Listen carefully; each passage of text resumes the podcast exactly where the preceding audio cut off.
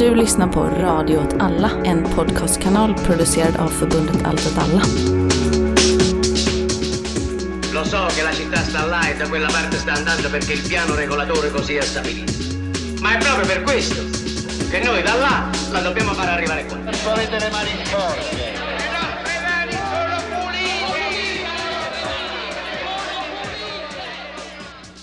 Hej och välkomna till ett nytt avsnitt av Rekreation. Hej Kalle! Hej Martin! Det här är vårt eh, lite mer spretiga stadsavsnitt, men först kanske vi ska prata om att vi inte har släppt på...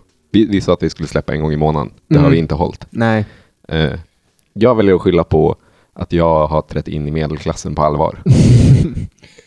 eh, och därför eh, inte har fått mindre tid, men bara eh, fått en större... större det är liksom, liksom all färsk pasta och ja, att, att, vinbarerna som har tagit över ditt... exakt, att man plötsligt bara ställs inför att alltså, så andra människor genom ens politiska karriär har, när de gått igenom ungefär samma förändring i sitt liv, börjat säga oh, jag har så lite tid.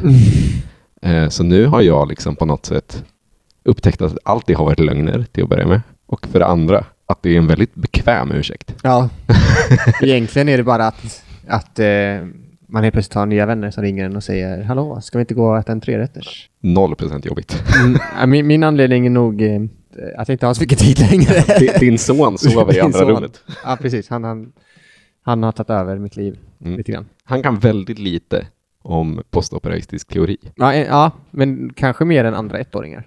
Ja, tro, troligen mer än de flesta. Men eh, jag tänkte att innan eh, vi började det här spretiga avsnittet så eh, läste jag i DN idag, Mm. den 26 januari, om eh, The Great Resignation. Eh, det handlar om att eh, tusentals, om inte miljontals, amerikaner ser upp sig. Just det. Det är olika anledningar till att man ser upp sig, men det verkar mest vara som att folk har fattat att om man lägger ihop eh, alla kostnader för att jobba i relation till minimilöner så har det visat sig att man inte tjänar pengar på att jobba. Ja, exakt. Och att det finns också en, eh, många fler arbeten nu så att det är lättare att byta jobb. Mm, det. Eh, men, det- så det finns här stora rörelser på internet framförallt där folk Mm. liksom uppmanar varandra att se upp sig. Just det. Reddits, eh, det finns en subreddit som heter Anti-Work. Precis, och den är skitstor nu. Ja. Och eh, då är det, det var bra intervjuer med folk som var så eh, varför ska jag jobba? Alla Mm. skiter i mig. Men då tänkte jag, det kommer ju vara ett avsnitt längre fram säkert där vi kommer prata om Exodus. Om arbetskritik och Exodus. Ja. Absolut. Eh, För det eh, har också kommit en annan artikel i Arbetaren som handlar om där man jämför massuppsägningarna som sker nu inom, inom vården har varit mest omskrivet. Att folk istället för att göra traditionella fackliga åtgärder såsom vild strejk Mm. eh, väljer att se upp sig. Ja. Så då jämför man vilda strejker med massuppsägningar, att det har lite samma eh, liksom, eh, politiska implikationer men också bakgrunder som vilda strejker hade på 70-talet. ja, det kommer vi faktiskt återkomma till idag. Mm. Har jag tänkt i alla fall. Ja, men det, det vill jag säga innan. jag, jag kan ju också sno lite material ifrån kanske värld, en av världens största poddar, alltså Köpa Trap House. För de, de i senaste avsnittet pratade också om The Great Resignation. Mm. Och då hade de läst någon jätterolig intervju med en chef på något företag som har det här problemet att folk säger upp sig i massor. Mm. Och, han, och han var så, jag har försökt allt. Eh, Jag har hyrt in eh, eh, musikalartister som hälsat på på kontoret och sagt hej till alla.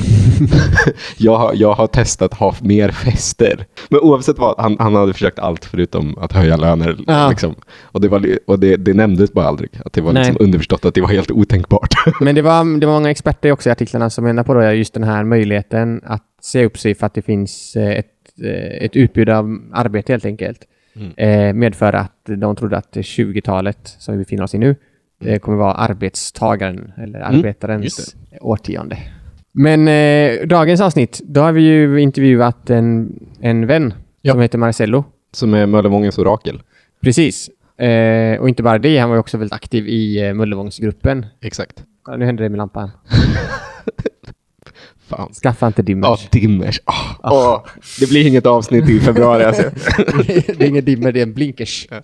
Eh, eh, åter till Möllevångsgruppen. Han, ehm, eh, och Möllevångsgruppen var en, en grupp som eh, agerade på Möllan under slutet av 90-talet och början av 2000-talet kan man säga. Mm. Super, super aktiva. Har varit liksom definierande i Mm. Möllevången som stadsdel, men också så Malmö som stad. Exakt. Och eh, Marcelo var en av de aktivare medlemmarna i gruppen. Och han är bara generellt en fruktansvärt kunnig och eh, bra person. Ja, Så vi gillar, vi gillar att ha med honom på olika Mm. sammanhang. Och tanken med intervjun med honom var att prata om, jag tror egentligen temat på det här avsnittet skulle vara typ motstånd i staden, antagonism. något sånt. Eh, Men framförallt, jag tänkte ju när vi började planera det här avsnittet att vi skulle jobba åt andra hållet. Alltså att vi gör en intervju med Marcello och sen får det sätta temat lite. Mm. Och så tror jag att det kommer bli. Eh, Ja. På så sätt att, vi, att det kommer sprängas in en fantastisk intervju med Marcello. Eh, olika enskilda stycken. Eh, ibland långa, ibland korta. Liksom utspritt i avsnittet när det Mm. känns som att det passar.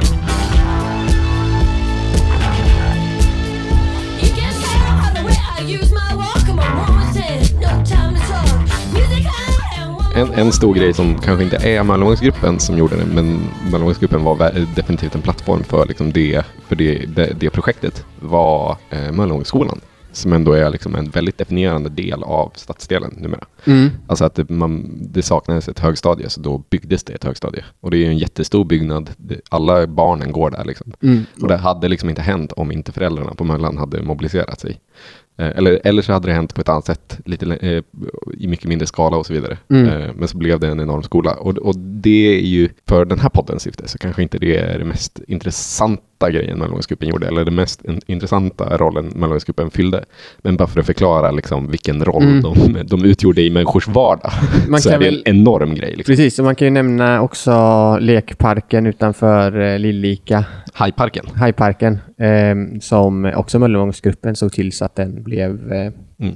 en ordentlig park. Och sen gjorde de massa små saker, alltså Mm. i, i, jättestora men mindre liksom. Möllevångsfestivalen var Möllevångsgruppen som drev. Eh, Öppna gårdsdagen var det Möllevångsgruppen som drev. Mm. Eh, utan Möllevångsgruppen så hade Klasgatan inte varit en gågata idag. Alltså, Nej. så, så, så bara liksom, om man, om man ser till delar, deras liksom inverkan på stadsdelen så är det helt enormt. Liksom. Mm. Och i förlängningen så har de också varit jätteviktiga för liksom, Malmö. Eh, både liksom, i kommunens kommunikation utåt, att det är en levande stad.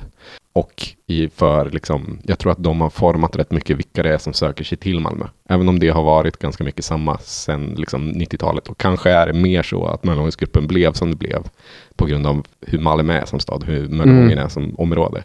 Men jag tror också att det blev en feedback i att eh, folk flyttade ju till Malmö och Möllevången på grund av Möllevångsgruppen. Liksom. Mm. Och man kan också säga det att, att Möllevångskarnevalen. Mm. Och det blev ju senare kontrapunkt. Ja, just det. Så det är är ju em, de, eh, och kontrapunkt är då lagt ner idag. Men det finns en, eh, liksom en, en linje. Verkligen.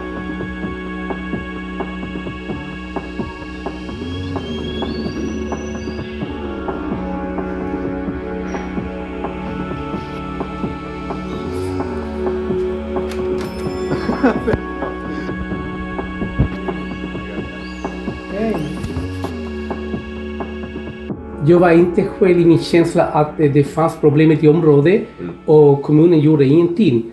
Och eh, vi hade, jag och andra hade lust att eh, förbättra området och påverka, påverka till en bättre utveckling. Och, och Mellevensgruppen eh, plötsligt blev en erbjuden plattform där kunde komma olika typer av grannar med olika typer av bakgrund. Det var roligt. Alltså kände ah, fan, vi har samma problem då med Heimstaden. Samma problem med privata, de, de tömmer inte soporna, råttor på gården, kaniner på parkerna. Mammorna, eh, de började träffa varandra och upptäckte, jag har samma problem. En gemen, man upptäckte eh, på nytt en gemenskap. Det, det tyckte jag var roligt. Och sen, det blev en väldigt kreativ grupp med tanke på uh, området finns mycket mångfald. Det fanns möjligheterna att eh, kanske utveckla dina hobby och intresse med andra. När man kommer från annat land, eh, i alla fall tycker jag det, i de första åren är det jättetuffa för man vet inte riktigt var man befinner sig. Men plötsligt, eh, eh, där jag kände att jag kunde eh, hitta mig själv på något sätt. Eh, och, eh, och sen, ja alltså jag, jag blev glad att jag träffade andra. För det blev också bara, mm, inte bara grannar, plötsligt blev vissa har börjat utveckla vänskap och vi festade och, och samtidigt vi hade roliga diskussioner. Och, Så man upptäckte att i området fanns mycket gemenskap. Och den var också en positiv grej för att ehm, många var lite isolerade Och jag menar inte oavsett om de var invandrare eller svenskar. Många var lite isolerade eller de var rädda att gå ut på kvällarna. Plötsligt, ja, det bildas olika små grupper. Så det, Mellebomsgruppen, vi var medvetna att vi skulle jobba politiskt för att kunna påverka eh, eh, kommunen. Eller trycka på kommunen. Men samtidigt, eh, folk ville inte aktivera sig direkt i politik. Alltså, allt är politik egentligen. Men, eh, så man började fo- eh, hitta fokus på mer kulturaktiviteter. Eh, som poesiafton och ja.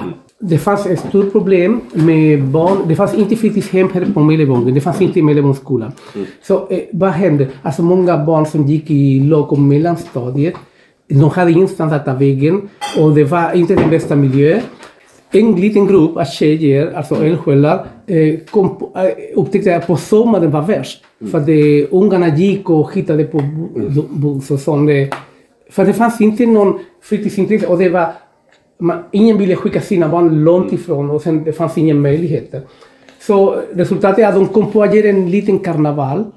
Eh, eh, och de förberedde karneval eh, i början av sommaren med olika workshops där barnen skulle lära sig att bygga kanske spela trummor, rita eh, vad heter ansiktsmålning och hitta på olika saker som kunde vara lite handarbete.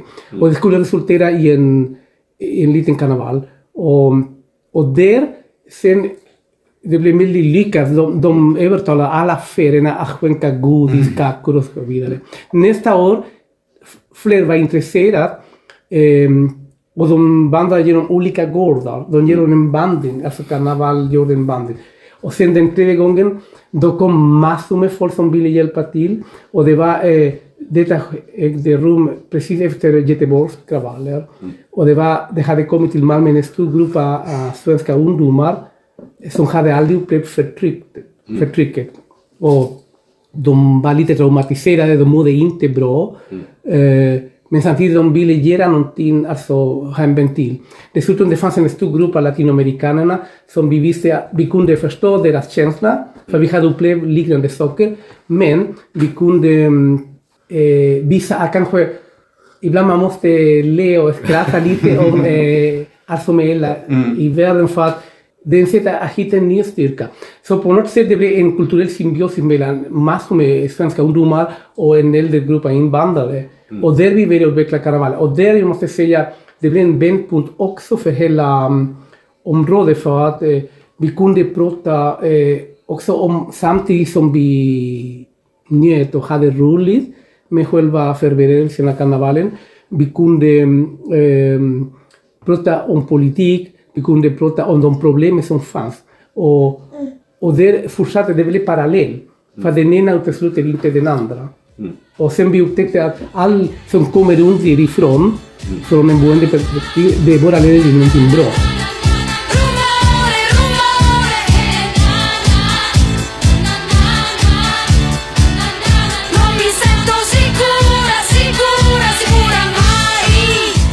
Vi har fattat oss väldigt kort om den sociala arbetaren i båda våra avsnitt hittills. Så, har vi, så har vi bara sagt att kapitalismen under den industriella eran var definierad av fabriken. eh, och arbetaren på fabriken. Sen gick kapitalismen ut och tog samhället. Och, och det blev en social fabrik. Och, som bemannades av en social arbetare. Det har, det har vi bara sagt. Som om det är, liksom, det är bara så det är. Eh, men vi kanske borde prata lite om varför, inte så mycket kring varför det hände, för det är så jävla krångligt. Liksom. Och det rör saker som du och jag nog inte är bäst på i hela världen, alltså ekonomi. Liksom. Eh, Men vi kan ju förklara liksom varför eh, vår idétradition, kan man säga, har eh, intresserat sig för det. Mm. Eh, och, det- och det kan man väl säga att så, du hade den heta hösten 1968 där så 25 procent av Italiens arbetskraft bara gick i strejk och sådana saker.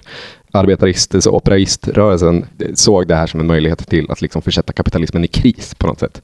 För man, man menade att, eh, att kapitalismens utveckling grundade sig i arbetarklassen och vad arbetarklassen gjorde och dess motstånd mot kapitalismen. Så, så man menade att det här motståndet skulle resultera i en kris som i sin tur skulle utveckla kapitalismen. Och det hände.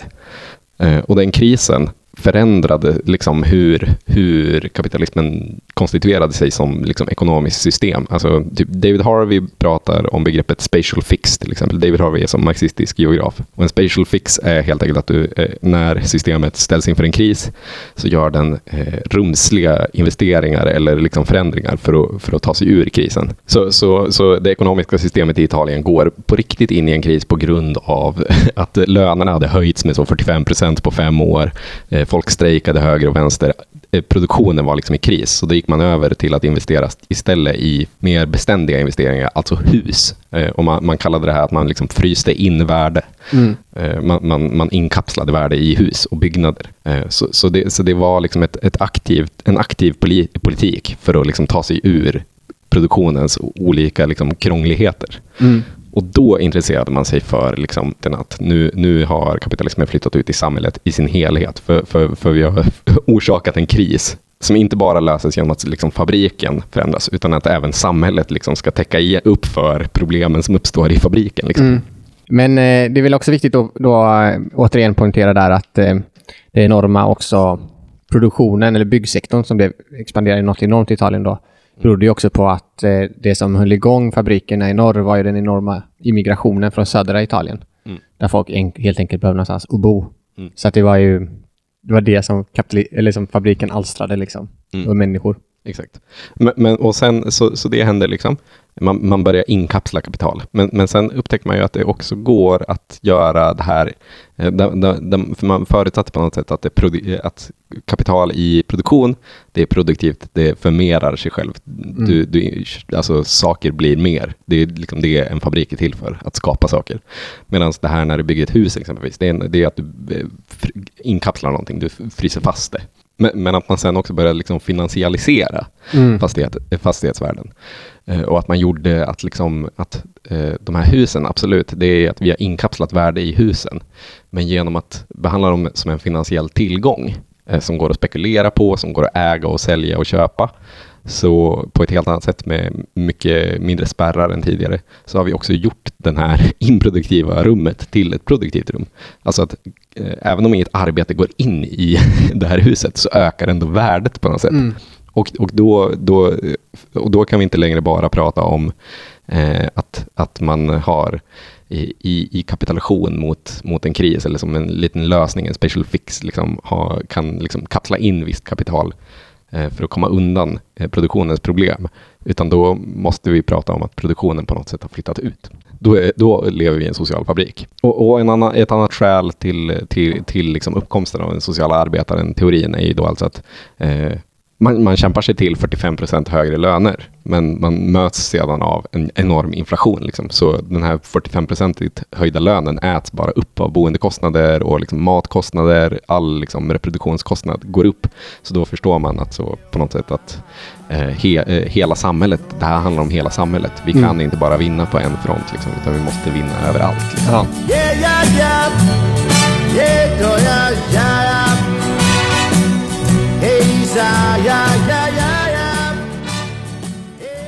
Om vi sätter det i en historisk perspektiv. Eh, Malmö ville vända på trenden att, eh, och lämna den in, eh, industriella etappen, epoken och, och gå vidare till en ny etapp. De ville locka folk som skulle betala skatt för att eh, många hade ekonomiskt starka människor hade flyttat till grannkommunerna. Vad hände då? Um, jo, de, de började sätta fokus på Västra hamnen och började bli absolut hållbar, fantastiskt. Men på bekostnad av alltså andra områden. Och, men plötsligt de upptäckte att när det kom detta bron, Citytunnel, plötsligt de upptäckte att Mellevången, om du tittar på Malmös karta, ligger mitt i stan. Alltså, den balanserar avstånd mellan norra Malmö, södra Malmö, östra och västra. Och det var i planerna, Mellevångstorget står nästan två, eh, två kvarter från den planerade huvudentréen av Citytunneln. Och, och det, det blev plötsligt intresse. Det är därför kommunen plötsligt började säga nej till massor. Till exempel, vi ville stoppa trafiken på Ystadgatan. Vi hade massor med, vi hade massor med workshops och vi vet de som um, reglerar trafiken och bestämmer eller de som skriver eh, underlag för politikerna. Men de bara hade fokus um, var folk ska sta, eh, parkera sina bilar när de ska åka till Köpenhamn. Hur ska flödet av, trafiken ska gå. Och vi kan inte stänga den gatan, vi kan inte stänga den andra. De hade kontakter med mm, de som äger bostäder, fastighetsägare. De öppnade ögonen att de skulle antingen investera eller sälja.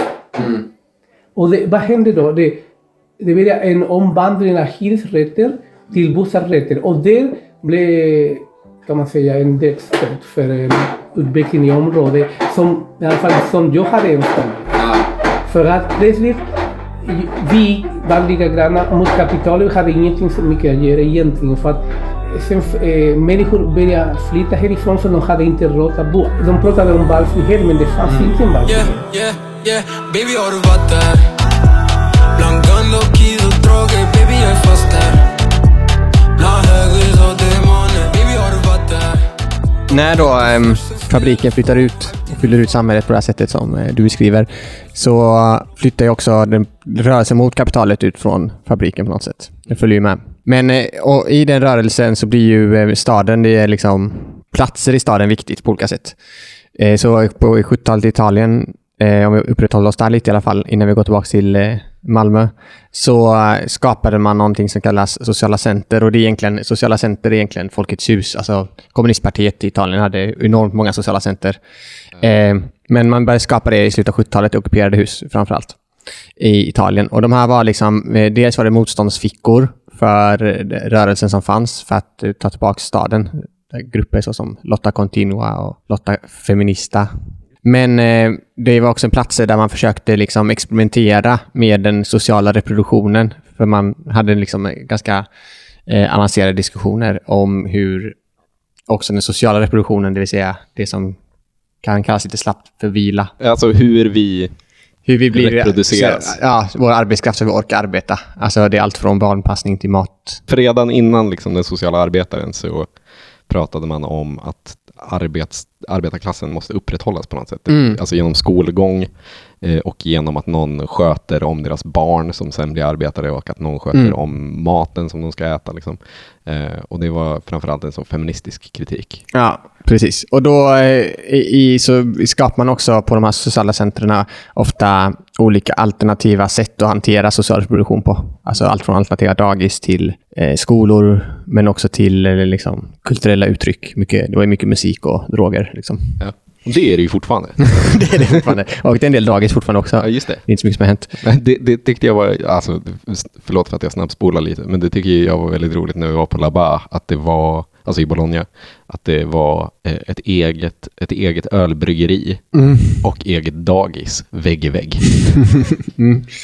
Eh, men, eh, ja, och de här sociala centren blev ju liksom, eh, blev ryggraden i parlamentariska vänstern i Italien. Så det är där liksom alla nya rörelser som uppkommit har ju skapats från de sociala centren. Eh, så att varje gång det är flod så går man ur sociala centren, skapar massa nätverk som heter saker som typ osynliga någonting. Ja. Och sen när det är ebb, när liksom floden är över och man eh, inte har lyckats storma italienska parlamentet igen. Då går man tillbaka till det sociala centret och så hänger man där och tänker ut vad nästa steg är. Ja. men det blir också naturliga liksom, mötesplatser för nya personer som är intresserade av den typen av politik. Men det har använts också som ett sätt att bryta in i staden och där kan man väl koppla lite till Möllevångsgruppen som fungerade som en brygga mellan eh, boende i området mellan konstnärer, kulturutövare, men också politiska aktivister eller andra människor i området. För Möllevångsgruppen hade också en lokal där eh, Mellansost ligger idag. Ja, de har också haft lokal i Bajsrondellen. Ja, precis. Men den mest kända tror jag är den Mellansost-lokalen. Eh, men på det sättet så fungerar det ju lite Möllevångsgruppen som man tänker sig att italienskt socialt center fungerar. Det vill säga att det är ehm, eh, det var verksamhet i den gruppen som inte per se varenda hörn var politiskt, liksom, men i, Nej. i sin eh, sammansättning blev det politiskt. Mm. Eh, så det var kanske inte så konstigt att det sen då blev just ett socialt center i form av kontrapunkt. att det var verkligen. naturligt eh, Väldigt slutsteg. ja. Ja, det är väl det man kan säga om sociala center. Men, och det uppkommer liksom samtidigt som Lotta Continua finns ju kvar, går, går även de, de ut i staden på något sätt. Mm. Alltså, vi snackade snabbt om autodeduktion en gång, Mm. minns jag. Och, och det är helt enkelt att man snor saker i grupp. Liksom. Eh, eh, s- man började syssla mer med sådana saker än att eh, fokusera just på, bara på liksom, strejker och, Mm. och, och, och arbetsplatskamp. Liksom. Ja. Så, så det är eh, parallella processer liksom av att politis klassiska politiska organisationer fortsätter, men de börjar agera mer i, i staden som rum. Mm. Och att man även börjar ta över delar av stadsrummet.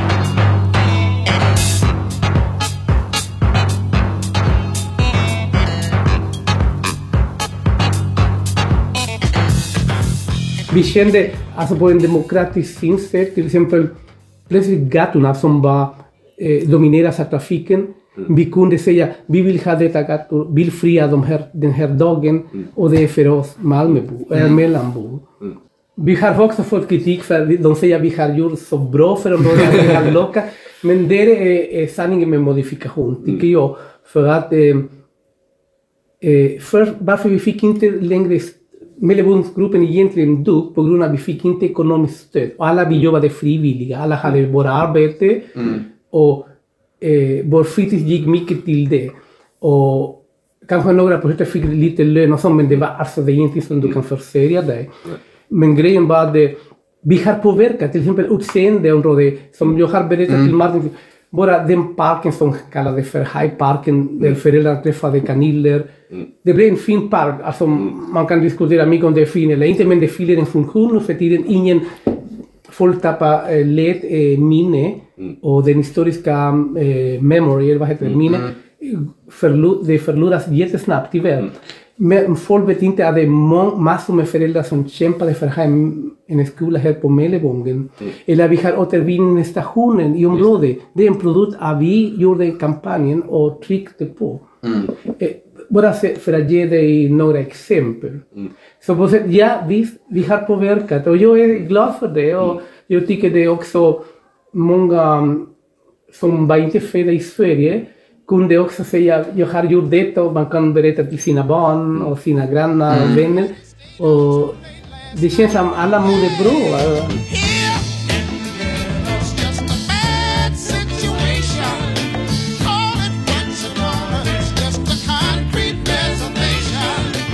eh, jag kan inte säga det på italienska, proletära ungdomscirklarna som skapade de sociala centrerna. Eh, som var en del av den autonoma rörelsen i Italien på 70-talet. Men eh, eh, det som är intressant med eh, hela den här idétraditionen om, eh, om liksom sociala center och göra eh, socialt reproduktivt arbete på nya sätt och sådär är ju att det, även om inte i Malmö idag finns något egentligt socialt center så, så kan man ju se på en grupp som Hela Malmö som också är, arbetar i den traditionen utan att kanske uttala det. Det är väl mer att den här traditionen är ganska mycket allmängods också. Ja, alltså, Det har blivit det. ja, även om man kanske inte Även om det kanske inte är så att man läser Mario Tronti för att förstå övergången från arbetarklass, eller arbetare till sociala Det arbetare. där kan vara en allmän uppmaning. Läs inte Mario Tronti. Nej, gör inte det. Det är skittråkigt. Eh, Även om man kanske inte gör det så, så, så tror jag att liksom den, de, den typen av idéer, de är inte heller ensamma om det. Svarta pantrarna har, Mm. ju, står ju också för stora delar av byggandet av en parallell Mm. tradition. Liksom. Mycket på grund av att många av de här sakerna uppkom ju ungefär samtidigt. Mm. Alltså arbetaren blev inte social bara i Italien, norra. Italien, liksom. Eh, utan det, det är bredare processer. Precis. Liksom. Det finns ju på Nordirland finns ju liksom pubbarna hade ju eh, och Iras lokaler hade ju lite samma funktioner i de områdena som de kontrollerade. Ja, men det var ju också så att många autonoma aktivister den här på... Fatzerblåen förstör ju just nu. Många autonoma aktivister från Italien besökte faktiskt eh, Nordirland just för att ta inspiration om hur man kunde jobba som i territoriet. Exakt. Och andra besökte i, så, turkiska Kurdistan och Ja. grejer. Andra besökte Kina. alltså, det, det, ja, Men det vi, vi, i alla fall- Vi får ju, alltså, så, absolut, vi, vi kan ju säga att det här är liksom en, en italiensk tanketradition, men den uppkommer ju liksom överallt samtidigt. Ja, men det som är intressant med hela Malmö är också att det eh, krokar arm med liksom en annan sak som växer fram nu som nog inte hade varit möjligt på 70-talet. Där, det, där man egentligen pratar om två sätt att ta hand om social reproduktion, vilket är eh, staten alltså det offentliga. Det fanns liksom ingen, som det som skedde sen i Sverige i alla fall på 90-talet framförallt, men när man pratar om eh, privat-offentlig samverkan, det vill säga att man har privata aktörer som tar hand om eh, delar av sjukvården, skolan och så vidare. Och att de får liksom, att staten skjuter till med, med skattepengar för att de ska kunna bedriva den här verksamheten. Men det är också en sån klassisk här, nyliberal lösning, att man eh, försöker liksom få, över, eh, få staten att ta de ekonomiska riskerna och det privata näringslivet får vara utförare och de som tjänar pengar på det. Men, men risken fördelas extremt ojämlikt på så sätt att så, om det är så att Kry kraschar eller om det är så att de som eh, vaccinerar oss, de olika weird ass jävla bolagen som känns sjukt shady, om det bara inte funkar, vem är det då som fixar det? Inte fan är det de liksom. Det är ju staten som måste gå in liksom. Men det är också på en mycket mer nära nivå. Alltså, om man ska ha en lönsam privat vårdcentral så har man inte det i ett område där folk är sjuka. För det är inte lönsamt. Utan har det ett område där man har inskrivna patienter som mår bra. Eller eh, så har man det via nätet, där alla, man kan säga att alla mår bra. ja, precis. Men eh, i alla fall, och, men när liksom nyliberalismen har liksom börjat gå på tomgång, men de problemen som uppstod på grund av nyliberalismen, alltså vi, i Sverige med stora utanförskapsområden och så som det finns, och där fyller ju hela Malmö en väldigt viktig funktion.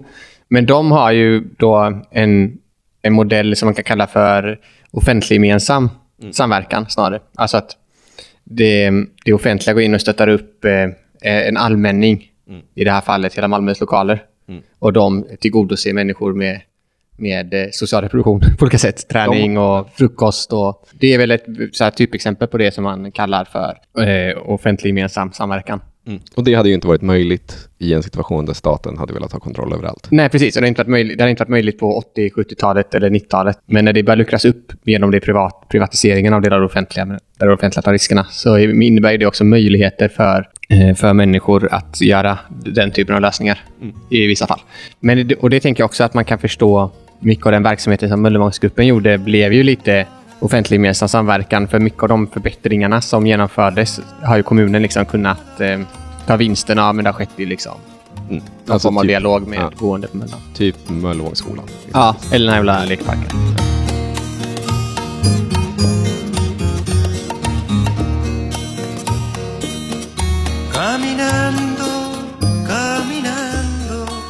Jag tror det är styrka i Malmö eh, befolkning. Och men tyvärr, eh, man kanaliserar inte så bra den styrka. Den mångfalden också är fascinerande för att där kan man, eh, kanali- om man kanaliserar på rätt sätt och man ger att folk kan känna att de kan ha makten att utveckla någonting bra, eh, det hade varit fint. Till exempel i Santiago de Chile, som en stad geografiskt om man tänker det är lite som Malmö, eh, väldigt platt och sånt. Mm. Skillnad med Göteborg och Stockholm, det finns inte geografiska hinder. Utan i Malmö du kan alltså gå från en gata till den andra, du, går, du passerar eh, klassgrupper och funktioner, men du märker inte någonting för allt är så platt. Till exempel, vad som har gjort, jag har sett också lite på Sofielund, till exempel man har vissa eh, kvarter som är obebyggda. Och det hade stått år efter år, kanske någon äger den, eh, säkert någon äger, men de tar, och plötsligt de förvandlar den eh, lilla kvarter till torget med roliga funktioner. Lite sk- plantering, eh, folk, konstnärer från området målar och hittar på skulpturer. Och sen plötsligt folk behöver inte gå till Pildammsparken eller gå till... Man hittar i närheten en viss typ av område, en liten. Eller då man kan bara läsa liksom en bok och eh, dricka någonting på sommaren.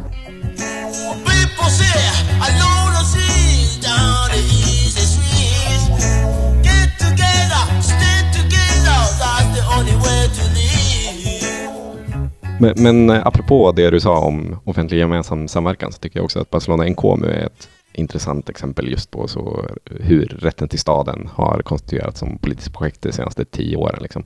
För det är alltså en, en, en, eh, en samling av liksom politiska rörelser och organisationer i Barcelona som liksom kom ur vågen 2011, den politiska vågen i eh, 2011, postkrisen, liksom, eh, som tog sig uttryck bland annat i Podemos med deras vänsterparti, liksom, som kommer helt ur det. Men i Barcelona tog sig lite speciella uttryck i en liksom, lokal medborgarlista som är kopplad till Podemos men som väldigt mycket är sin egen grej och också tillsammans med många andra liknande projekt utgör liksom en tendens inom Podemos kan man säga. Mm.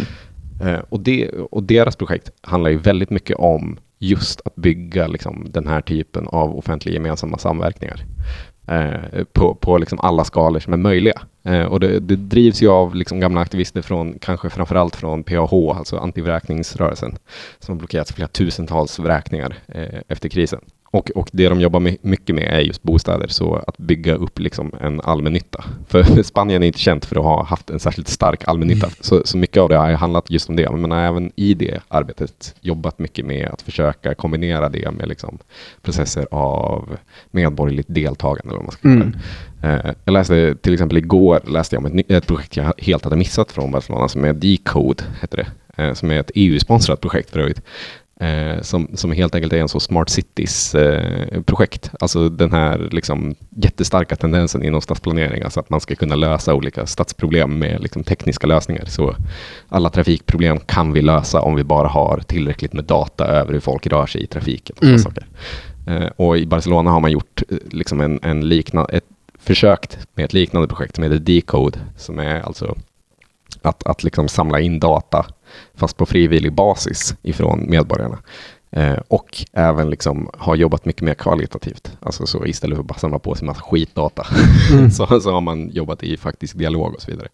Eh, och då, vi får se liksom hur mycket det här resulterar i, men, men de har ritat om kollektivtrafikskartorna rätt mycket utifrån liksom folks faktiska behov och sådana saker. Vilket är ganska häftigt. Mm. Eh, och, och vilka möjligheter liksom, eh, teknologierna, våra, alla våra härliga teknologier ger för liksom, utökad, liksom, utökat deltagande eller utökad liksom, eh, deltagande i demokrati för folk Mm. eh, på en mer lokal eh, skala men också på den liksom, högre skalan. Mm. För om liksom Möllevångsgruppen tillhörde en generation av så här, vad ska säga, globaliseringsrörelsens ta, rätten, ta, rätten till staden-rörelse. Ja. Och sen hade vi liksom efter det kanske det var mer the free for all. och sen så kom... eh, Det, var, ver- det är verkligen det det var.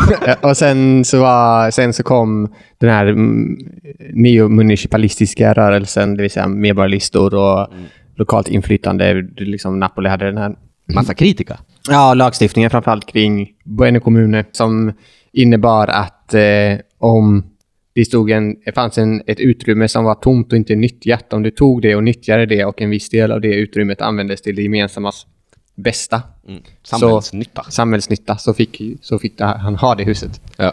Kommer intressant att se vad som är nästa steg i rätten till stan-rörelsen. Mm. Den medborgarplattformarna finns ju kvar liksom och har makten i många olika platser faktiskt i världen idag. Eh, men frågan är liksom vad som är nästa, nästa rörelsevåg. Eh, Jag tror att det kommer dröja rätt lång tid eftersom Ja. att alltså, den första vågen av liksom medborgarlisterörelse, eller så vinster var ju 2015.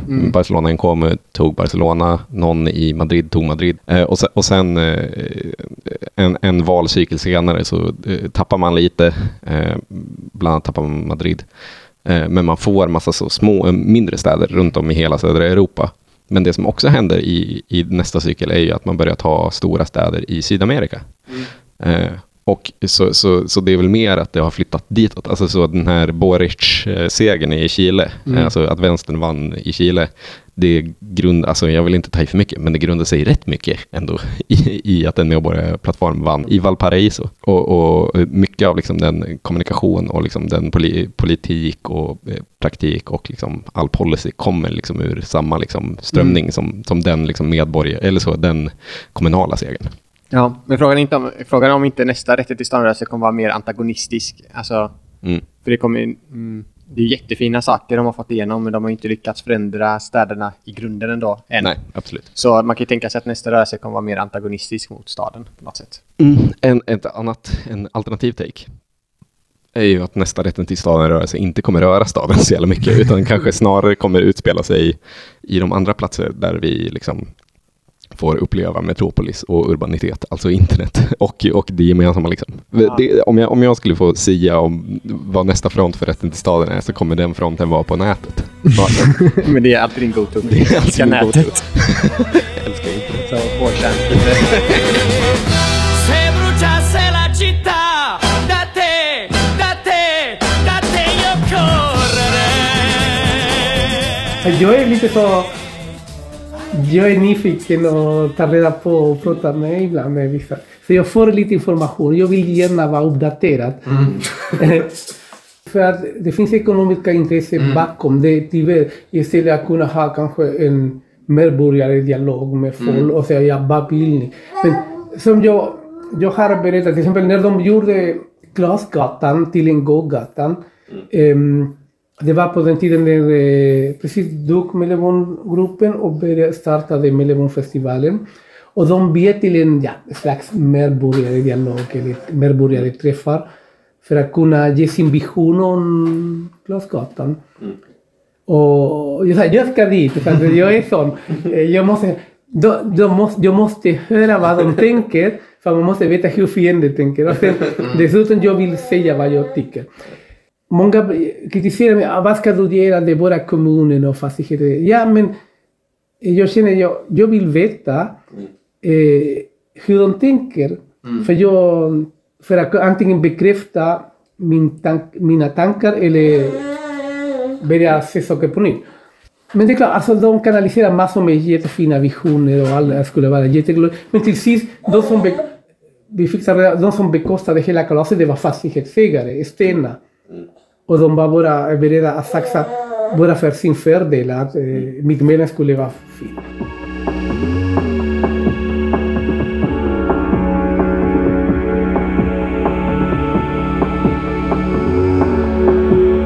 Saker som man har kämpat för typ i, i Spanien och Italien. Att få liksom medborgerlig dialog. Att eh, kunna liksom bli hörda i olika statsförändringar. Används ju i Sverige idag mycket som ett maktmedel också. Ja. Typ om man tittar på i Göteborg hur man förändrar, försöker förändra vissa stadsdelar där. Då, är, då tar ju liksom hyresvärdarna initiativen till dialogmötena. Ja. Och hyresvärden försöker engagera de boende i området. Men det, det blir liksom som en sån municipalistisk eh, praktik, men att Verkligen. det kommer uppifrån så. Verkligen. Man, man, man får ju passa sig generellt med deltagande. Så fort man pratar om deltagande så, så måste, ska man ju passa sig för att deltagande är ju någonting annat än liksom kontroll Ja, på något sätt. verkligen. Det, det som är fett med offentlig gemensam samverkan på något sätt, det är ju att man, att man instiftar liksom kontrollmekanismer Mm. för att sä- säkerställa liksom att deltagandet inte bara är deltagande. Nej, precis. utan det rör sig om faktiska maktmedel. Liksom. Ja. Och det är också som om man tar hela Malmö som exempel eh, så ju, har, får ju de en enorm makt också över sina egna processer Mm. genom att de eh, faktiskt erbjuder mm, saker som inte kommunen är kapabla till att erbjuda. Nej. Och det vet ju kommunen om. Så då kommer ju hela Malmö alltid kunna vara en, en radikal kraft liksom. Även om de får massa pengar av kommunen och alla tjänstemän på, på kommunen älskar dem. Eh, Men de älskar dem inte så mycket för att Angela Davis är målad på väggen utan de älskar dem för att de faktiskt genomför den här sociala repressionen på ett väldigt, väldigt bra sätt.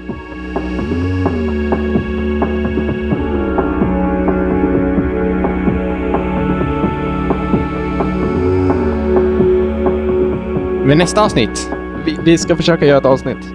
Eh, vi hoppas att det kommer hända ti- till den 14 februari. Alla hjärtans dag. Ja, och vi ska försöka intervjua Michael Hart, känd från förkortningen Hart och Negri, Mm. eh, om kärlek. Ja, vi får se hur det går. Men vi kommer inte spela in den 14 februari för vi är inga incels. Nej, exakt. Men, eh,